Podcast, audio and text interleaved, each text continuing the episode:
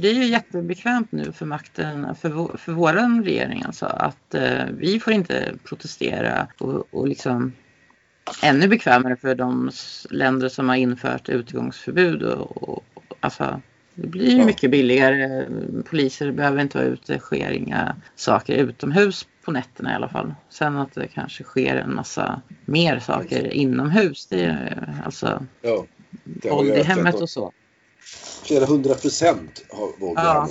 Men det skiter Det kan jag ju mycket väl tänka mig. Och jag, alltså, jag har nästan, det låter ju hemskt, men jag har nästan förståelse för det. För att de här förö, förövarna, alltså de, de gör det ju inte Alltså de gör det ju inte för att de är bra själva utan de mår ju dåligt. Det är därför Nej. de gör det. Jo. Och vem, vem skulle inte må dåligt? Så? Eller, alltså alla mår ju dåligt av att bli inlåsta. Det är ju helt hemskt. Verkligen alltså. Ja. Och nu, nu försvarar jag ju inte dem, absolut inte. Det är inte det jag säger. Det blir ju en, en naturlig följd. Alltså det blir ju den naturliga konsekvensen. Ja, när människor blir nedbrutna av det här. Det är helt klart. Och att man inte börjar ana liksom att det, det är något skumt med det här att eh, samtidigt som man inför de här diktatoriska lagarna så hindrar man människor från att, från att protestera mot mm. dessa diktatoriska lagar. Alltså ja. snacka om statskupp alltså. Det, det, är verkligen det alltså. Nu protesterar ju folk i alla fall ganska mycket runt om i världen.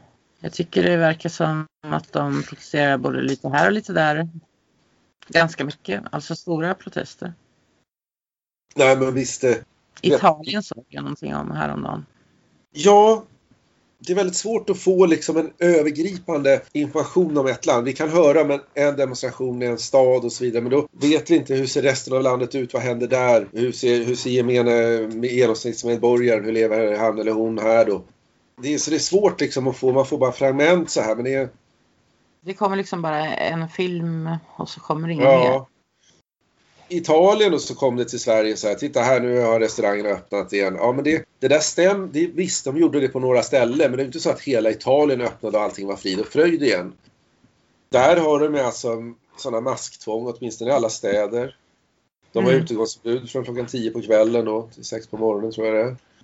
De får de ha kommunarrest i Italien då. De får inte åka mellan... Det är som att vi skulle... Jag bor i Uppland och skulle inte få åka till Västmanland eller, eller till mm. Sörmland. Eh, någonting sånt har de då. I Spanien mm. också har de så. Och Frankrike också. Här är ju helt extremt. Det är ju verkligen, menar, något liknande har vi aldrig sett i historisk tid. Det är ju helt, väldigt svårt övergrepp på människor då. Så det är klart att det här motståndet växer och det, det växer ju snabbt mm. alltså. Avslå det så mycket de kan genom att ha de här mötes, mötesförbuden. Du får inte ens träffa dina familjemedlemmar. De försöker hindra liksom varenda liten upprors där det finns en liten, liten möjlighet att det skulle kunna gro ett uppror liksom, eller en mm. stark proteströrelse. Det försöker de slå sönder med de här lagarna. Där. Eh, de skickar ju poliserna på dem och utövar våld mot dem. Jag undrar om det var Holland, det var någon, någon stackare som hade den där munkorgen lite grann på hakan då. Och mm. det var flera poliser bara flög på honom. Det var någon ung man, alltså, som, liten, eh, spenslig man som blev totalt misshandlad. Fullständigt bestialiskt alltså för att han inte hade den här den här munkorgen då ovanför mm. näsan och munnen. Men visst är det motstånd och det är ju stora demonstrationer i många länder och sådär. Och demonstrationer, det kan ju vara andra, andra typer av motstånd som vi inte ser. Jag vet inte om det... Jag tror att det, södra Italien har varit en del sorters strejker också. Sen vet vi ju inte... Inom maktens korridorer tror jag också det är ganska mycket konflikter och det, det är ingenting vi, vi ser heller. Då. Det är väldigt svårt att få riktig information om jag vill veta hur det är i Italien då, då är det bäst att ringa någon, någon kompis i Italien eh, som har lite överblick över landet och, och prata med den personen. Istället, i, alla fall, I alla fall är det hundra gånger bättre än att läsa DN alltså. Av den saken. Ja. Förstår du vad jag menar? Ja, ja. ja, absolut. Jo. Varje gång man läser någonting i en tidning så ska man fundera över, jaha, men vad är det de utelämnar? Vad är det de inte rapporterar om som skulle ha gett balansen? För de vill ju bara sprida sin agenda och därför vinklar de allting och mörkar allting annat liksom. Det blir ju väldigt mycket information. Alltså de, alla de här extrema övergreppen mot människor över hela världen alltså, som har ökat lavinartat. Alltså polisvåld och statligt våld av både ja, alla alla möjliga människor, inte minst i tredje världen. Det är liksom ingenting. Det är helt ointressant för att det är, det är ingen bra reklam för corona, den, här corona, den här medicinska diktaturen. Liksom. Nej, Så nej. det ställer man bort. Det är inte mycket sånt som eh, ploppar upp i eh, vanliga MSM inte. Som till exempel, jag tror både i Indien och sen i Chile i vissa städer så har de infört att alla eh, det är, är, är husarrest, de måste sitta inne. Och och när, du får gå och handla två gånger i veckan, mat, bara mat, inget Mm. annat. Och för att få gå och handla så måste du ansöka på internet. Så du måste ha Alltså, det är tillstånd. helt sinnessjukt. Och tänk dig alla gamla människor då som kanske inte har mobil och som kanske inte är riktigt hemma på det där hur man använder det, sådana här appar och hela den där skiten. Mm. De svälter ihjäl alltså. Utanför patrullerar liksom poliser med, med maskingevär och, och sådär. De vill väl inte gå ut och det känns väl inte så kul att gå ut då liksom. De får ju inte det. Så att, ja, det är fullständigt, det är helt groteskt. Det är jättemärkligt att folk eh, godtar det här till så, så hög grad. Alltså att det är så... Alla borde ju protestera. Exakt alla Jo. borde protestera. Men alltså det, det måste vara ungefär 50-50. Fif- 50 procent av alla länders befolkning. Eller alltså alla, ja, alla lä- västländer. De verkar ju tycka att det är bra. Ja, jag tror att det är nog ungefär 50% som har köpt hela det här narrativet. De lever sig med i det att ja, nu måste vi här stänga in alla för att annars kommer vi dö i den här hemska farsoten. Liksom. De tror ju på det där. Ja, Alltså, ja. För mig är det, jag kan inte bli det, jag, jag, det övergår mitt förstånd hur de, hur de, hur de kan tänka så. Alltså. Ja, ja, faktiskt. Det är ju väldigt konstigt hur någon kan tro att det skulle hjälpa. Då skulle jag ha mer förståelse för om de skulle tro att masker och, och vacciner skulle hjälpa. Men att, låsa in folk, eller, alltså, det kan jag inte fatta någon kan tro på. Ja, det är fullständigt vidrigt. Alltså. Även det här, det är så otäckt också. De håller på, liksom, om man nu är för att folk ska springa runt med den där jäkla masken. Då ska man, tycker jag, inte säga ett ord om, om de här burkarna då till exempel i, i vissa arabländer. För det har ju precis samma syfte att liksom avhumanisera och du ska Mm. avindividualisera. Den här människan, i det fallet kvinnan då, ska, ska hålla käft och, och statens, de här slavarna som inte har någon talan, de har en mask över munnen. Liksom. Symboliken kan väl inte bli tydligare. Liksom. Nej men det handlar ju bara om det. det är, vissa kallar det för tystnadstrasa. Det är Ja, jättebra. ganska bra. jättebra. Det är Ja, det ganska är bra. det är det verkligen. Jag har arbetat med sådana där ibland och hållit på med vissa slöjdämnen som inte är så bra när man slipar. Mm. Det är sånt här damm som man inte är så bra andas in då. Då har jag haft sån där munkorg alltså. Ovanför näsan. Och efter en timme, ibland har jag skyddsglasögon också. Då är de där skyddsglasögonen helt immiga.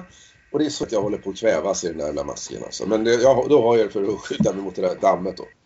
I Spanien då, när folk hade de här i somras, det var ju folk som bara simma, simmade på gatan alltså.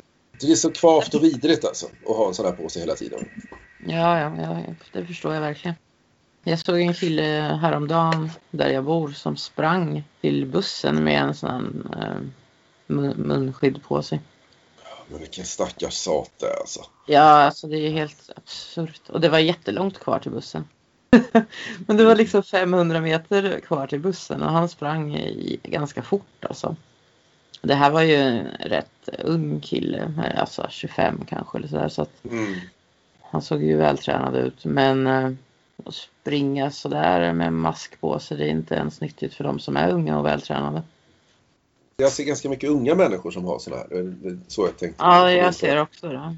Mm, Men det kan ha att göra med det att eh, man har inte upptäckt hur förljugen världen är och hur mycket vidriga människor ja. finns i maktens korridorer och sådär. Liksom. Ja.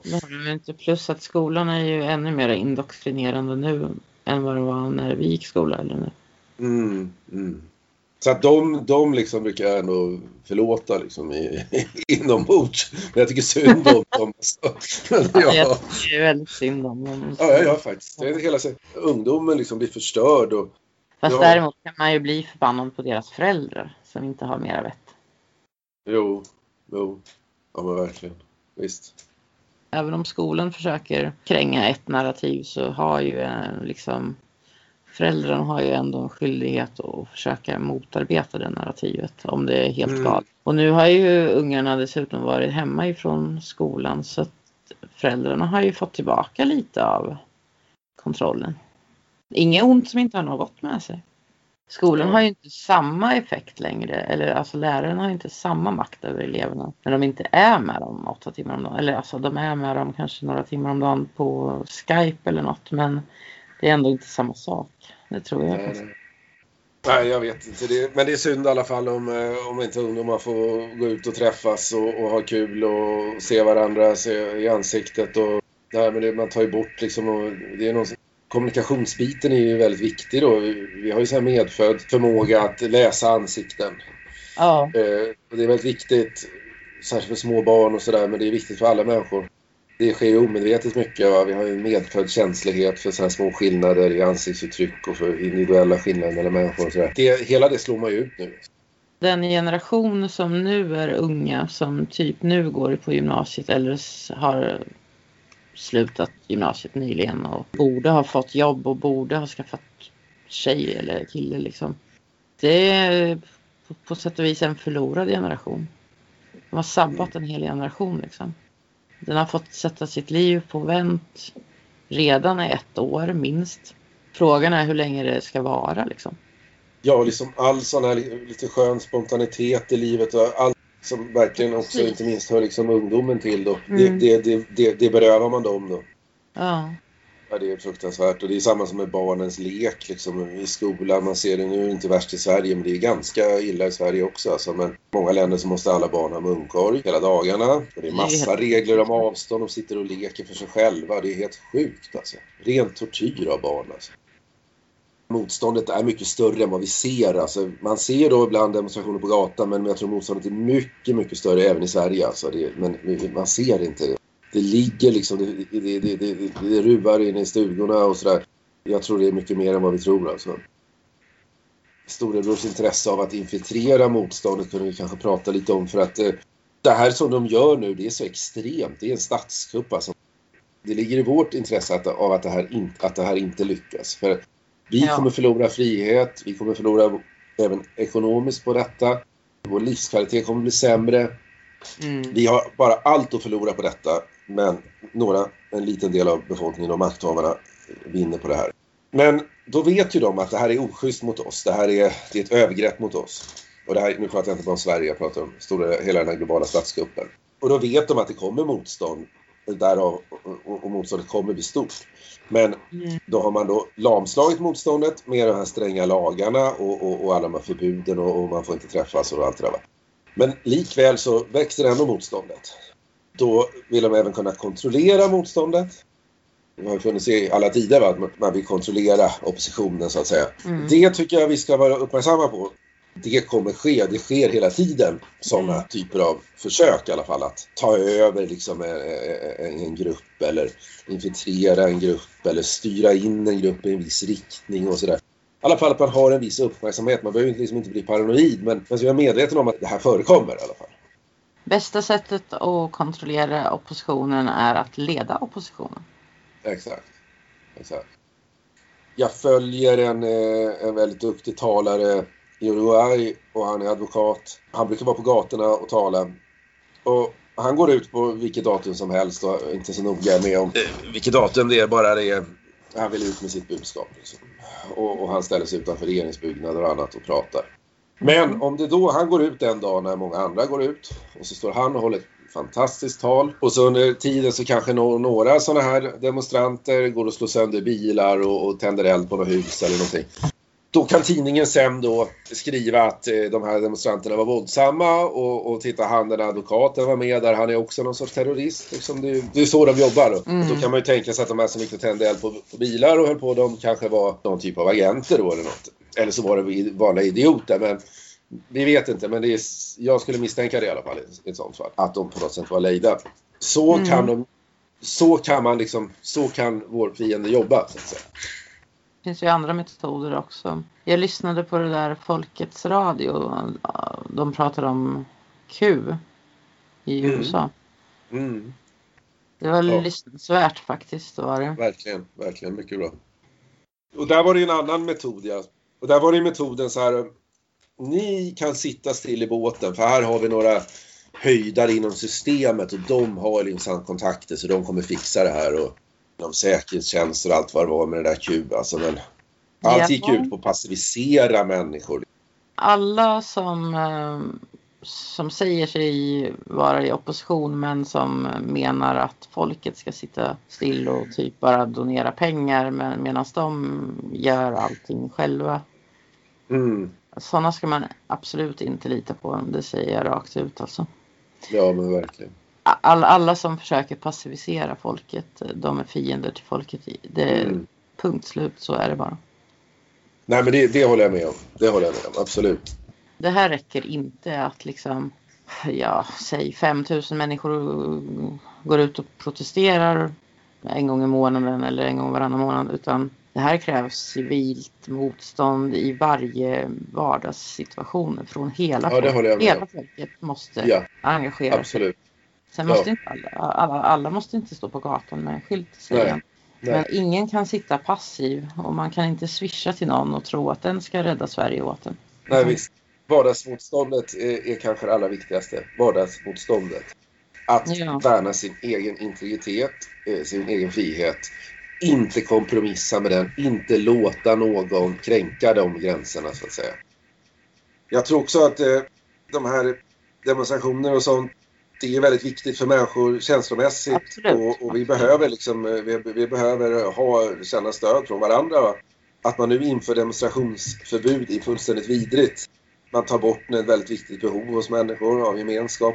Gemenskap med likasinnade och sådär. Som sen kan leda till ytterligare kanske att man får energi och man kan hitta på andra grejer och sådär. Som det blev med gula västarna i Frankrike, att de höll nästan på att storma liksom, byggnaden där han satt. Det var, det var någon som, innan det här började då med, när de införde den här medicinska diktaturen. Då är det lite annat alltså, när, när så pass laddat och så mycket folk och så mycket motiverat folk så att, så att Mm. han börjar känna sig fysiskt hotad. Men då, då är det klart att då, då, då, då kanske det, då är det annat alltså. Men, men Löfven är ju ingen Macron utan jag tror att Löfven skulle kunna vika sig ganska lätt om folket bara gick ut. ja, men det Det, poäng. ja, men det, det, alltså, jag tror det faktiskt, det har jag alltid trott. Ja, Men det kan eh, vara så den, faktiskt. Nej, men där har du verkligen en poäng. Ja, det, det är tänkbart, absolut. Den största vinsten med att demonstrera i, i stora grupper det är ju att man, som du säger, alltså, man, man känner gemenskap, man växer. Eller, Mm, istället för att sitta hemma ensam mm. och liksom inte känna någon som tycker likadant som en själv. Så ser man med egna ögon att det är flera tusen bara i den här stan, just, bara just nu till och med, som tycker exakt som jag, eller nästan exakt som jag.